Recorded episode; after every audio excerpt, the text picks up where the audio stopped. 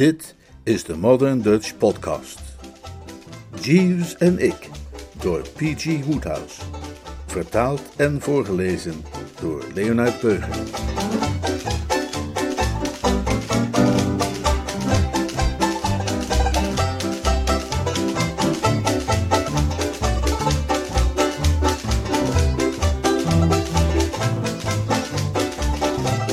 Hoofdstuk 5 Hulp voor Freddy. Ja, ik wil je niet lastigvallen, weet je wel, en dat soort van dingen. Maar ik moet je echt even iets vertellen over die brave Freddy Meadows. Ik ben geen literair genie enzovoorts, maar dat komt wel in orde, want als ik het af heb, laat ik het wel even oppoetsen door een echte schrijver of zo. Die beste Freddy, weet je wel, is al jarenlang een goede vriend van mij, dus toen ik op een ochtend op de club kwam en zag hoe hij daar in zijn eentje in een donker hoekje in het niets zat te staren, met een glazige blik in zijn ogen, en verder ook helemaal het uiterlijk van het laatste blaadje aan de boom, begrijp je wel dat ik me daar meteen wat zorgen over begon te maken. Normaal gesproken is Freddy het stralende middelpunt van onze hele troep. Eén brok levendigheid en plezier en dat soort dingen. Ik had Jimmy Pinkerton bij me op dat moment, Jimmy schrijft toneelstukken, hele slimme jongen Jimmy. En samen begonnen we onze druilende makker uit te horen, tot we tenslotte achter waren wat eraan mankeerde. En zoals we natuurlijk wel hadden kunnen raden, ging het om een meisje. Hij had ruzie gehad met Angela West, het meisje waar hij mee verloofd was. En zij had de verloving verbroken. Hij wilde niet zeggen waar de ruzie over gegaan was, maar kennelijk was het iets dat haar heel hoog zat. Hij mocht niet meer bij haar in de buurt komen, ze wilde niet meer met hem praten, zelfs niet door de telefoon, en zijn brieven kwamen ongeopend terug. Het speet me voor die brave Freddy. Ik wist hoe het voelde, want ik was zelf ook wel eens verliefd geweest op een meisje dat Elizabeth Schulbrett heette. En het feit dat ze mij absoluut niet uit kon staan, zal ook zeker in mijn autobiografie worden vermeld. Maar ik wist wel een oplossing voor Freddy. Wat jij nodig hebt, beste knul, is verandering van omgeving. Je moet er eens even uit, zei ik. Ga met me mee naar Marvis Bay. Ik heb daar een huisje gehuurd. De 24ste komt Jimmy ook en dan hebben we een gezellig clubje. Hij heeft helemaal gelijk, zei Jimmy. Een andere omgeving zal je goed doen. Ik heb een jongen gekend, meisje wilde hem niet meer, jongen ging naar het buitenland. Maanden later stuurt dat meisje hem een telegram, komt terug, Muriel. Hij wil een antwoord schrijven, komt hij erachter dat hij haar achternaam niet eens meer weet heeft nooit meer antwoord gegeven. Maar Freddy liet zich niet troosten. Hij bleef kijken alsof hij zijn laatste stuiver had ingeslikt. Ik kreeg hem nog wel zover dat hij beloofde met me mee te gaan naar Marvis Bay. Hij kon net zo goed daar zijn als ergens anders, zei hij. Nou, ken je Marvis Bay? Ligt in Dorset. Niet wat je noemt een ontzettend opwindend plekje, maar het heeft zijn kwaliteiten. Het dagprogramma bestaat eruit zwemmen en op het strand liggen.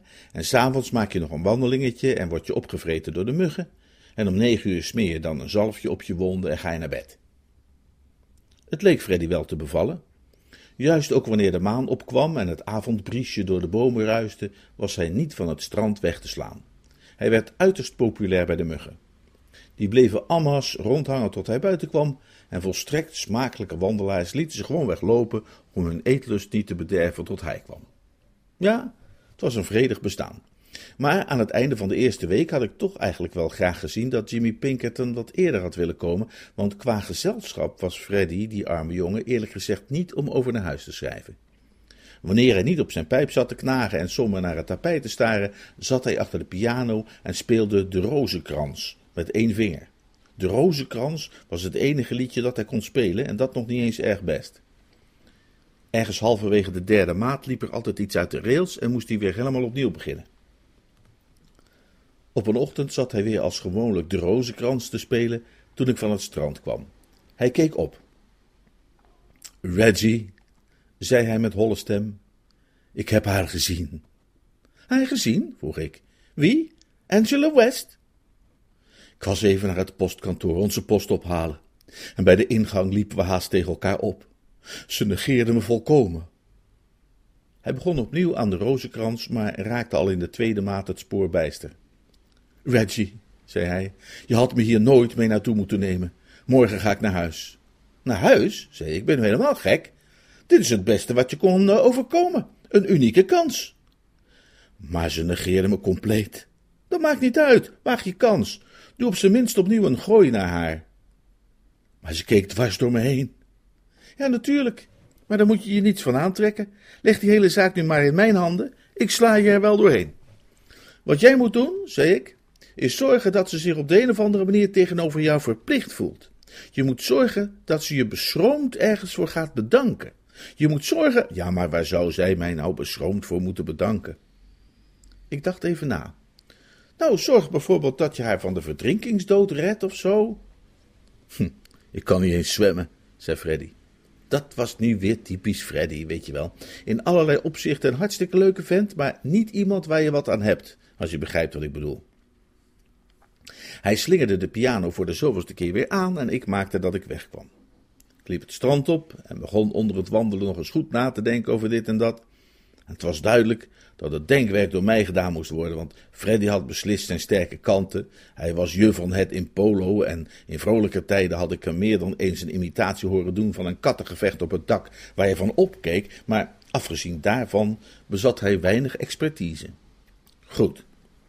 Maar tijdens het wandelen dus, weet je wel, loop ik om zo'n stuk rots heen, zie ik daar opeens iets in een blauwe jurk en verdomd, was het dat meisje.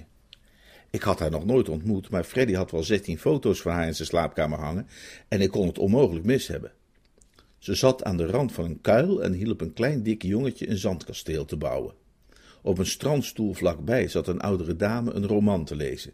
Ik hoorde dat het meisje haar tante noemde, dus met enig Sherlock Holmes werk combineerde en deduceerde ik dat het dikke ventje haar neefje moest zijn.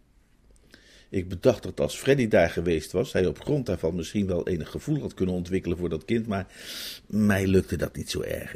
Ik, geloof dat ik nog nooit een kind gezien had waar ik minder sympathie voor voelde. Hij was van het uh, ronde, uitpuilende type. Toen het kasteel af was, leek alles hem opeens te vervelen en begon hij te jengelen. Het meisje nam hem mee naar een stalletje waar iemand ijs en snoep verkocht. En ik liep door. Nu zullen veel mensen, als je het vraagt, zeggen dat ik een behoorlijke sukkel ben. Niet snugger. Vind ik niet zo erg. Ik geef het toe, ik ben ook een behoorlijke sukkel.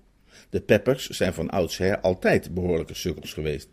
Maar wat ik wel zeg is dat ik desondanks af en toe, op momenten dat je het helemaal niet verwacht, opeens een heldere inval krijg. En die kreeg ik nu ook. Ik vraag me af of het idee dat ik kreeg ooit opgekomen zou zijn bij een van die vele slimmerikken die je zou kunnen opnoemen. Ik kreeg die inval op de terugweg. Ik liep langs de vloedlijn terug toen ik datzelfde dikke ventje daar peinzend met zijn schepje op een dode kwal zag staan slaan. En opeens had ik dat idee, weet je wel. Na wat ik van die twee had gezien, was dat meisje kennelijk dol op dat joch. En hoe dan ook, het was haar neefje, dus wat ik bij mezelf dacht was, als ik dat jeugdige sumo-typje nu eventjes ontvoer, en als dan dat meisje dodelijk ongerust gaat lopen zoeken waar hij gebleven kan zijn, zou onze brave Freddy plotseling kunnen opduiken met die peuter aan zijn hand en een verhaal opdissen over hoe hij dat knaapje eenzaam rondzwervend had aangetroffen en dat hij het eigenlijk praktisch het leven had gered, zodat dat meisje uit pure dankbaarheid de vijandelijkheden zou staken en die twee weer helemaal goede maatjes zouden kunnen worden. En om een lang verhaal kort te maken, ik greep dus dat kind bij de lurven en sleurde hem mee. Onderweg visualiseerde ik al helemaal die verzoeningsscène. Ik zag het zo levendig voor me, weet je wel, dat ik er verdorie zowat een brok van in mijn keel kreeg. Freddy, die brave sukkel, begreep mijn idee niet meteen tot in de finesses. Toen ik met het kind in mijn armen verscheen en het in de woonkamer neerplempte, was hij daar niet meteen heel blij mee, als je begrijpt wat ik bedoel. Dat kind was intussen behoorlijk aan het jammeren geslagen en onze arme Freddy leek daar nogal last van te hebben. Hou op, hou op, zei hij. Dacht jij dat je de enige was met problemen? Wat moet dit eigenlijk? Wat, wat, wat is dit, Reggie? Het kind liet het er niet bij zitten en zette het op een schreeuwen dat de ruiten ervan rinkelden. Ik rende naar de keuken om een pot honing te halen. Dat was de juiste vondst. Het joch hield op met janken en begon zijn hele snoet in te smeren met die zoetigheid. Nou, vroeg Freddy toen de stilte was teruggekeerd. Ik zette mijn idee uiteen. Na een tijdje begon het hem te dagen. Huh. Af en toe ben je helemaal niet zo dom als je eruit ziet, Reggie, zei hij vriendelijk. Ik moet zeggen dat het heel goed klinkt. Hij wrikte het joch met de nodige moeite los van de honingpot en begon het strand af te zoeken naar Angela. Ik had me zelden zo opgetogen gevoeld. Ik was dusdanig op onze Freddy gesteld dat de gedachte dat hij binnenkort weer helemaal zijn oude opgewekte zelf zou zijn, mij het gevoel gaf alsof iemand mij bij wijze van spreken een miljoen had nagelaten. Ik leunde achterover in mijn stoel op de veranda met een ontspannen sigaretje tussen de lippen, toen ik de brave vent in de verte weer zag aankomen, maar, potverdorie, met dat kind nog steeds bij zich. En Freddy keek erbij alsof er helemaal niemand van hem hield. Hallo, riep ik, kon jij niet vinden? Oh, jawel, antwoordde hij met zo'n bittere holle lach. Ha, gevonden heb ik haar wel. Nou, wat... Uh... Freddy zakte in een stoel en kreunde. Dit is helemaal niet haar neefje, idioot, zei hij. Het is helemaal geen familie van haar. Gewoon een jochie dat ze was tegengekomen op het strand. Ze had hem van haar leven nog niet eerder gezien. Wat? Maar wie is dat ventje dan wel? Nou, geen idee. Grote goden wat ik heb moeten doorstaan. Godzijdank zul jij waarschijnlijk de komende paar jaar van je leven in Dartmoor moeten doorbrengen wegens ontvoering. Dat is mijn enige troost. Reken maar dat ik daar op bezoek zal komen om jou tussen de tralies door te kunnen uitjouwen. Vertel me eerst dat hele verhaal eens, kerel, zei ik. Het duurde nog een aardige tijd voordat hij daarmee klaar was, want hij onderbrak zichzelf in bijna elke zin om mij tussendoor verder uit te schelden. Maar uiteindelijk werd me duidelijk wat er was gebeurd. Ze had koel als een ijsberg naar hem geluisterd, terwijl hij het verhaal afdraaide dat hij had voorbereid, en vervolgens had ze hem, nou ja, niet regelrecht een leugenaar genoemd, maar wel in grote lijnen aangegeven dat als hij en dokter Koek, de zogenaamde polreiziger, elkaar ooit mochten tegenkomen en verhalen zouden gaan uitwisselen, dat wel het belangrijkste duel op dat gebied sinds eeuwen genoemd zou mogen worden. En vervolgens was hij er met de staart tussen de poten en het kind onder zijn arm vandoor gegaan. En het wel, hè? Dit is helemaal jouw akkefietje, besloot hij zijn verslag. Ik heb hier verder helemaal niks mee te maken. Als je aan die lange gevangenisstraf wilt ontsnappen, kun je maar beter snel de ouders van het kind zien te vinden en het jong aan ze teruggeven voordat de politie het te pakken heeft. Grote goden zeg. Voordat ik de omgeving begon af te struinen met dat duivelse kind op sleeptouw, had ik nooit kunnen bevroeden wat een ongelooflijk karwei het was om een verdwaalde vlerk aan zijn ongeruste ouders terug te bezorgen. Het is mij een raadsel hoe ze zo'n ontvoerder ooit te pakken krijgen. Ik speurde als een bloedhond heel Marvis Bay af, maar er was niemand die het vreselijke kind kwam opeisen. Er was zo weinig belangstelling voor hem dat je bijna gedacht zou hebben dat hij misschien wel zelfstandig een huisje had gehuurd. Pas toen ik bij ingeving op de gedachte kwam om de man die snoep en ijs verkocht te gaan vragen of hij hem misschien kende, kwam ik te weten dat het knulletje Medwin heette en dat zijn ouders logeerden in huizen Zeerust aan de strandweg. Ik daarheen als een pijl uit de boog en aanbellen. Geen antwoord. Ik belde nog eens. Ik hoorde binnen wel iets bewegen, maar niemand deed open. Ik wilde net nog eens flink met die bel tekeer gaan, zodat het eindelijk tot de bewoners van Zeerust zou gaan doordringen dat ik daar niet voor de lol stond te klingelen, toen er ergens boven mij een stem begon te roepen. Hé daar! Ik keek omhoog en zag een bol, felrood gezicht verschijnen uit een bovenraam met grijze bakkenbaarden aan bak en stuurboord. Hé daar! riep het gezicht opnieuw. Hoezo, hé daar? Wat bedoelt u? vroeg ik. U kunt niet binnenkomen? Zei het gezicht. Hé daar, is dat Toetels? Nee, ik heet geen Toetels en ik wil ook helemaal niet binnenkomen, zei ik. Bent u meneer Medwin? Ik kom uw zoontje terugbrengen. Ja, ik, zie hem ja. Piep, piep, Toetels, papa ziet jou, jochie. Het gezicht verdween plotseling even, om zo te zeggen, uit het gezicht, hè. Ik hoorde gemompel van stemmen en toen verscheen het weer. Hé daar! Mijn voeten knarsten ongeduldig in het grind. Woont u hier? vroeg het gezicht. Nou, ik logeer hier een paar weken. En hoe heet u? Pepper, maar uh, Pepper? Bent u misschien familie van Edward Pepper, de mijneigenaar? Ja, dat is mijn oom, maar... Uh, oh, die heb ik goed gekend. Die goede Edward Pepper. Ach, kon ik op dit moment nog maar eens bij hem zijn. Ja, dat lijkt mij ook een geweldig idee, zei ik. De man keek me stralend van bovenaf aan. Maar dit komt wel heel gelukkig uit, zei hij. We vroegen ons al af wat we met Toetels aan moesten. Er heerst hier in huis namelijk de bof. Mijn dochtertje Boetels heeft dat onlangs ergens opgelopen en Toetels mag vooral niet worden blootgesteld aan het gevaar van besmetting. He? We wisten absoluut niet wat we met hem moesten doen. Wat een geluk dat hij hem gevonden heeft. Het kindermeisje was hem kwijtgeraakt op het strand.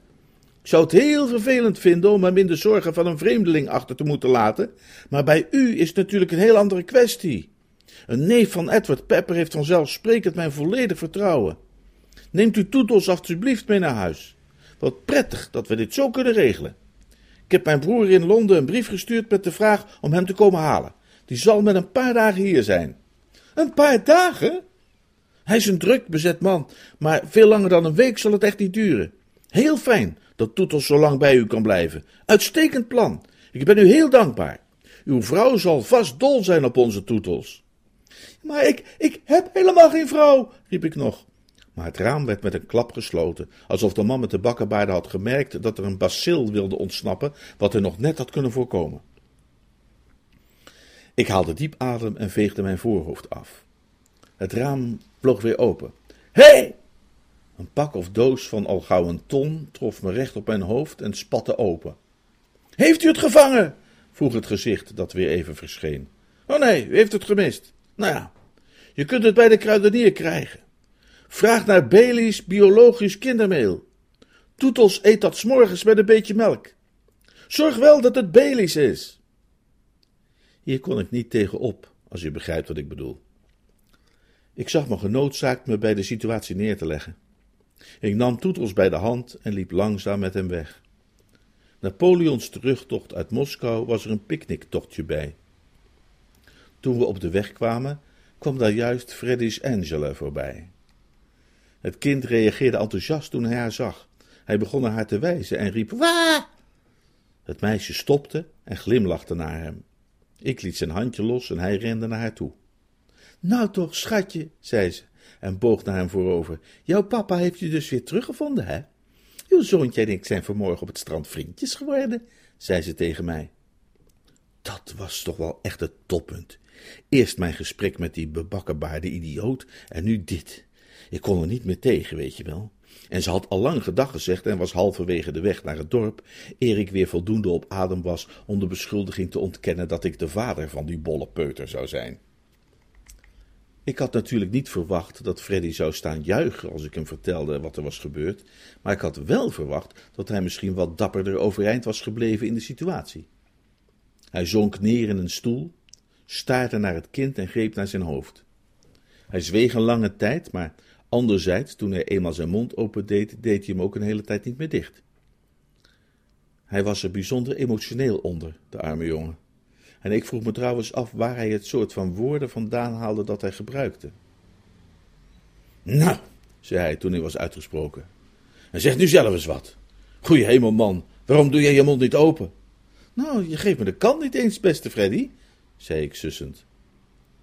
Wat ben je van plan eraan te doen? Nou, wat, wat kunnen we eraan doen? Nou, in elk geval kunnen we niet onze tijd gaan verknoeien als kindermeisjes van dit, dit, dit, dit geval. Hij stond op. Ik ga terug naar Londen, zei hij.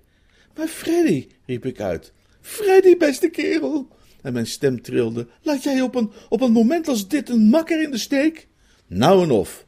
Dit is jouw pakje aan, dus jij mag het oplossen. Freddy, zei ik, je moet me helpen, dat moet. Besef je wel dat dat kind moet worden uitgekleed en in bad gestopt en weer, weer aangekleed? Dat ga je me toch niet in mijn eentje laten doen? Freddy, ouwe padvinder, we hebben samen op school gezeten. Jouw moeder is bijzonder op me gesteld en, en ik krijg nog een tientje van je. Hij ging weer zitten. Nou, oké. Goed dan, zuchtte hij berustend. En bovendien, Freddy, zei ik, heb ik het uiteindelijk allemaal voor jou gedaan, weet je wel? Hij keek me op een eigenaardige manier aan. Reggie, zei hij met gespannen stem, nu moet jij eens even heel goed luisteren. Ik kan heel veel hebben, maar dit gaat echt te ver hoor, als je nu verwacht dat ik je nog dankbaar ben ook.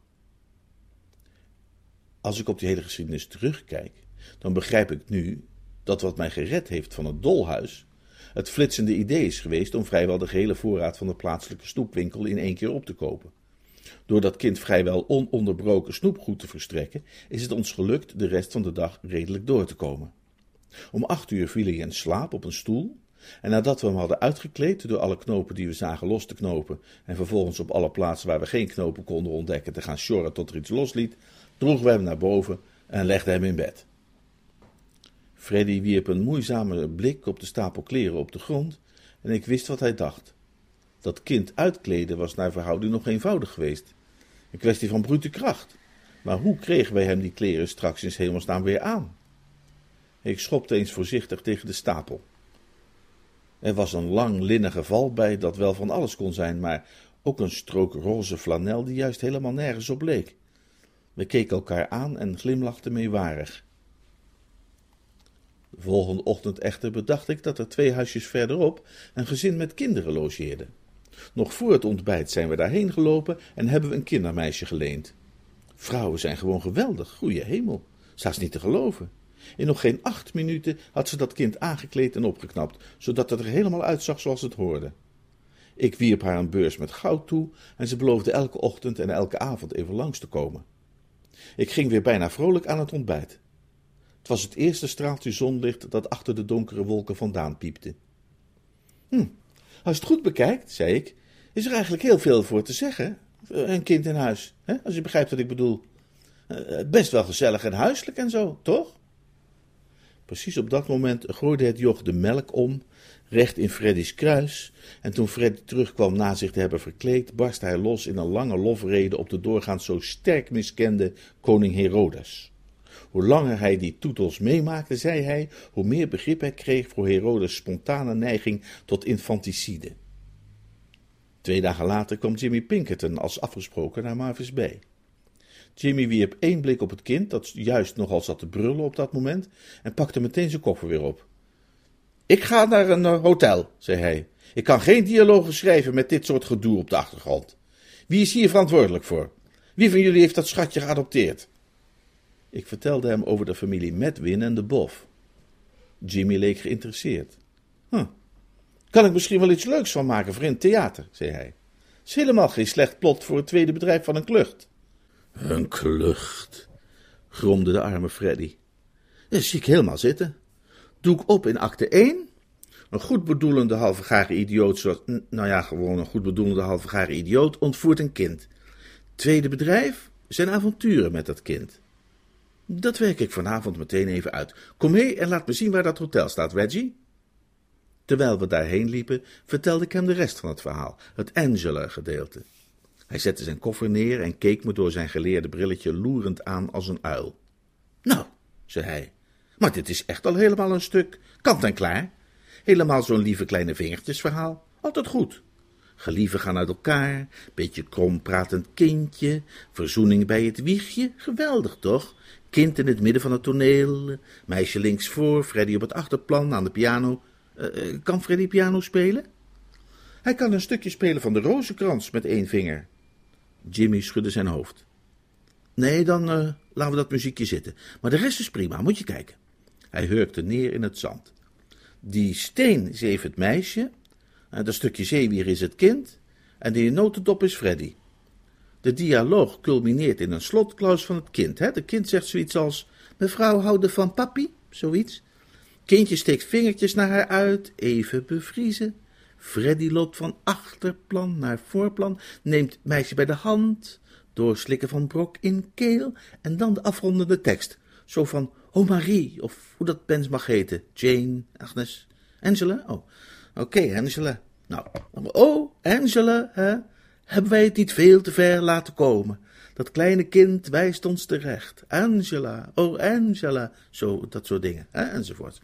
Freddy moet zijn eigen rol natuurlijk zelf maar uitwerken. Ik geef alleen maar even het uh, algemene idee. En we moeten natuurlijk precies de goede zin hebben voor dat kind. mevrouw houden van papi is net niet helemaal goed. We moeten iets hebben dat nog wat meer. Uh... Wacht, ik heb het, ik heb het. Freddy een kusje geven, dat is het. Hè? Uh, kort, helder en met precies de goede. je weet wel. Maar mijn beste Jimmy, zei ik, het probleem is, begrijp je, dat we dat meisje met geen mogelijkheid bij ons in huis kunnen krijgen. Ze negeert Freddy volkomen. Ze komt nog geen kilometer bij ons in de buurt. Jimmy fronste. Ja, dat is lastig, zei hij. Maar goed, dan maken we daar een buitenscène van, in plaats van een binnenscène. Op het strand kunnen we haar makkelijk genoeg benaderen, als we zover zijn. Huh? Intussen moeten we zorgen dat dat kind zijn tekst feilloos kent. Eerste repetitie morgen half elf, precies. De arme Freddy was in een dusdanig sombere stemming dat we besloten hem maar niets te zeggen over ons idee, totdat we het kind voldoende hadden getraind voor zijn rol. Hij was niet in de stemming om ook nog zoiets te kunnen verdragen.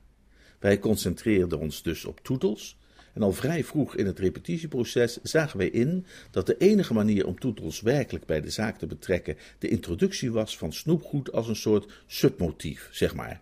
Het belangrijkste is, zei Jimmy Pinkerton aan het eind van de eerste repetitie, dat we in het kopie van dat kind een stelselmatige connectie weten aan te brengen tussen zijn tekst en dat snoepgoed. Als hij eenmaal de fundamentele link heeft gelegd tussen die drie woorden, helder en duidelijk uitgesproken, en die zak zuurtjes, dan zijn we er. Ik heb vaak gedacht dat dierentrainer in het circus of zo een heel interessant vak moest zijn, weet je wel. Het ontwakende intellect weten te vormen en dat soort dingen. Maar ik kan je zeggen, dit was minstens zo opwindend. Op sommige dagen leken we opeens enorme voortgang te maken en kwam zijn tekst er bij dat kind uit alsof hij een oude rot in het vak was. Maar op andere dagen was het weer helemaal niks. En de tijd drong. We moeten nu echt op gaan schieten hoor, Jimmy, zei ik. De oom van dat ventje kan nu elke dag arriveren om mij mee te nemen. En we hebben niemand anders voor die rol, zei Jimmy. Je hebt gelijk. We moeten doorwerken. Goeie genade, wat leert dat kind slecht zijn tekst. Ik heb doofstommen gekend die hun rol er een stuk eerder in hadden. Maar ik moet wel dit zeggen, wat dat kind betreft, het was een doorzettertje. Hij liet zich niet door zijn mislukkingen ontmoedigen. Als er ook maar enige soort van snoepgoed in de buurt was, deed hij een gooi naar zijn tekst en bleef iets zeggen totdat hij kreeg wat hij wilde. De correcte formulering bleef echter zijn zwakke punt. Persoonlijk had ik het risico wel aangedurfd en de eerste de beste gelegenheid te baat genomen voor een uitvoering, maar Jimmy was erop tegen. Nee, we zijn er nog niet voldoende klaar voor, zei Jimmy. Vandaag uh, zei hij bijvoorbeeld, uh, verweddy suffie wezen. Ja, daar gaat Freddy haar hart niet mee veroveren. Ze zou er eerder volmondig mee instemmen. Nee, we moeten de voorstelling nog even uitstellen. Maar verdorie jongens, dat zou niet lukken. Diezelfde middag hadden we de première. Het was niemands schuld en zeker niet de mijne. Het was eenvoudig het lot. Freddy was achter de piano gaan zitten en ik had het kind maar even meegenomen naar buiten om een eindje te wandelen.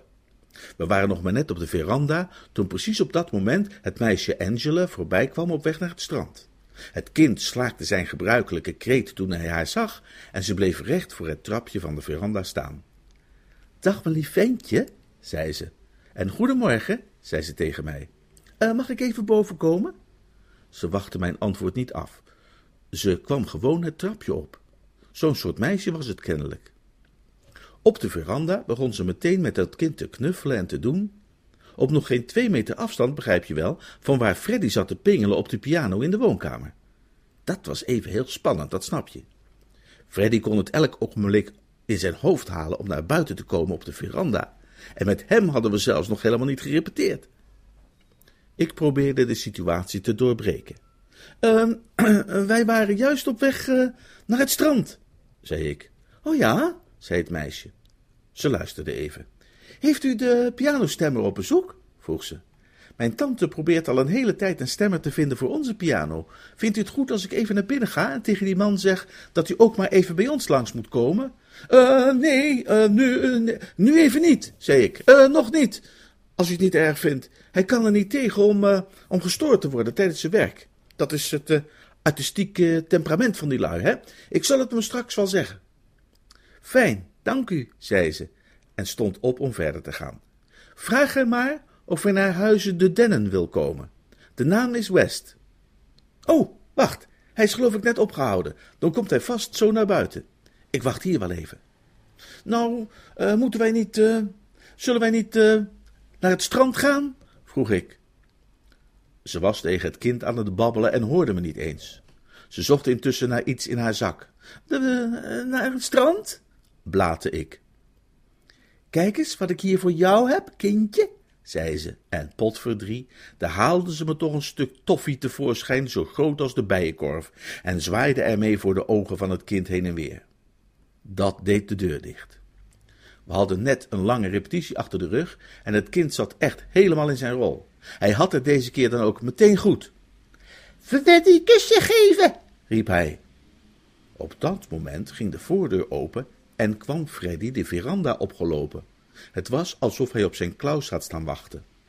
Hij keek naar het meisje. En het meisje keek naar hem. Ik keek naar de grond en het kind keek naar de toffie. Freddy kusje geven, gilde hij. Freddy kusje geven!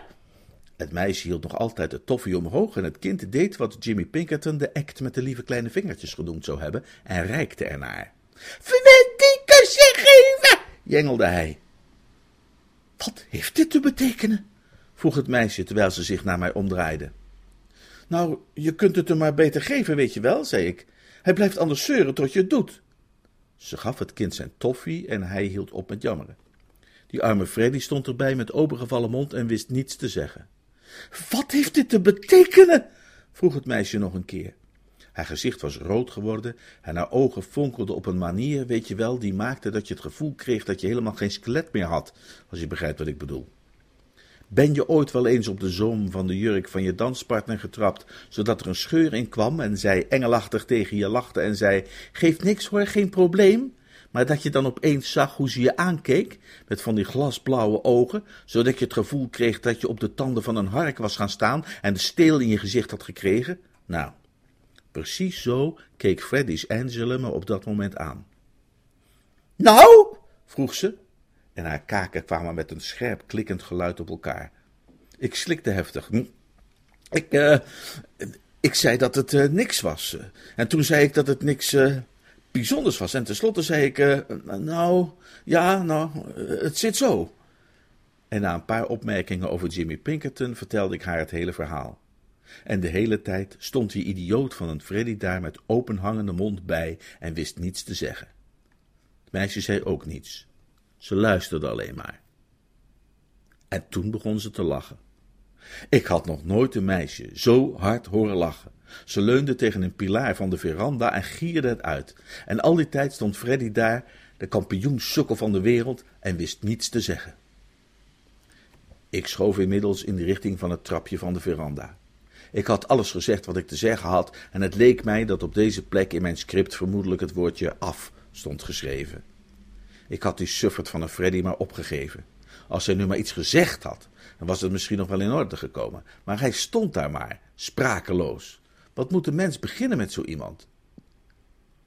Vlak om de hoek van het huis kwam Jimmy Pinkerton me tegemoet. Hallo, Reggie, zei hij. Ik was net op weg naar jou. Waar heb je dat kind?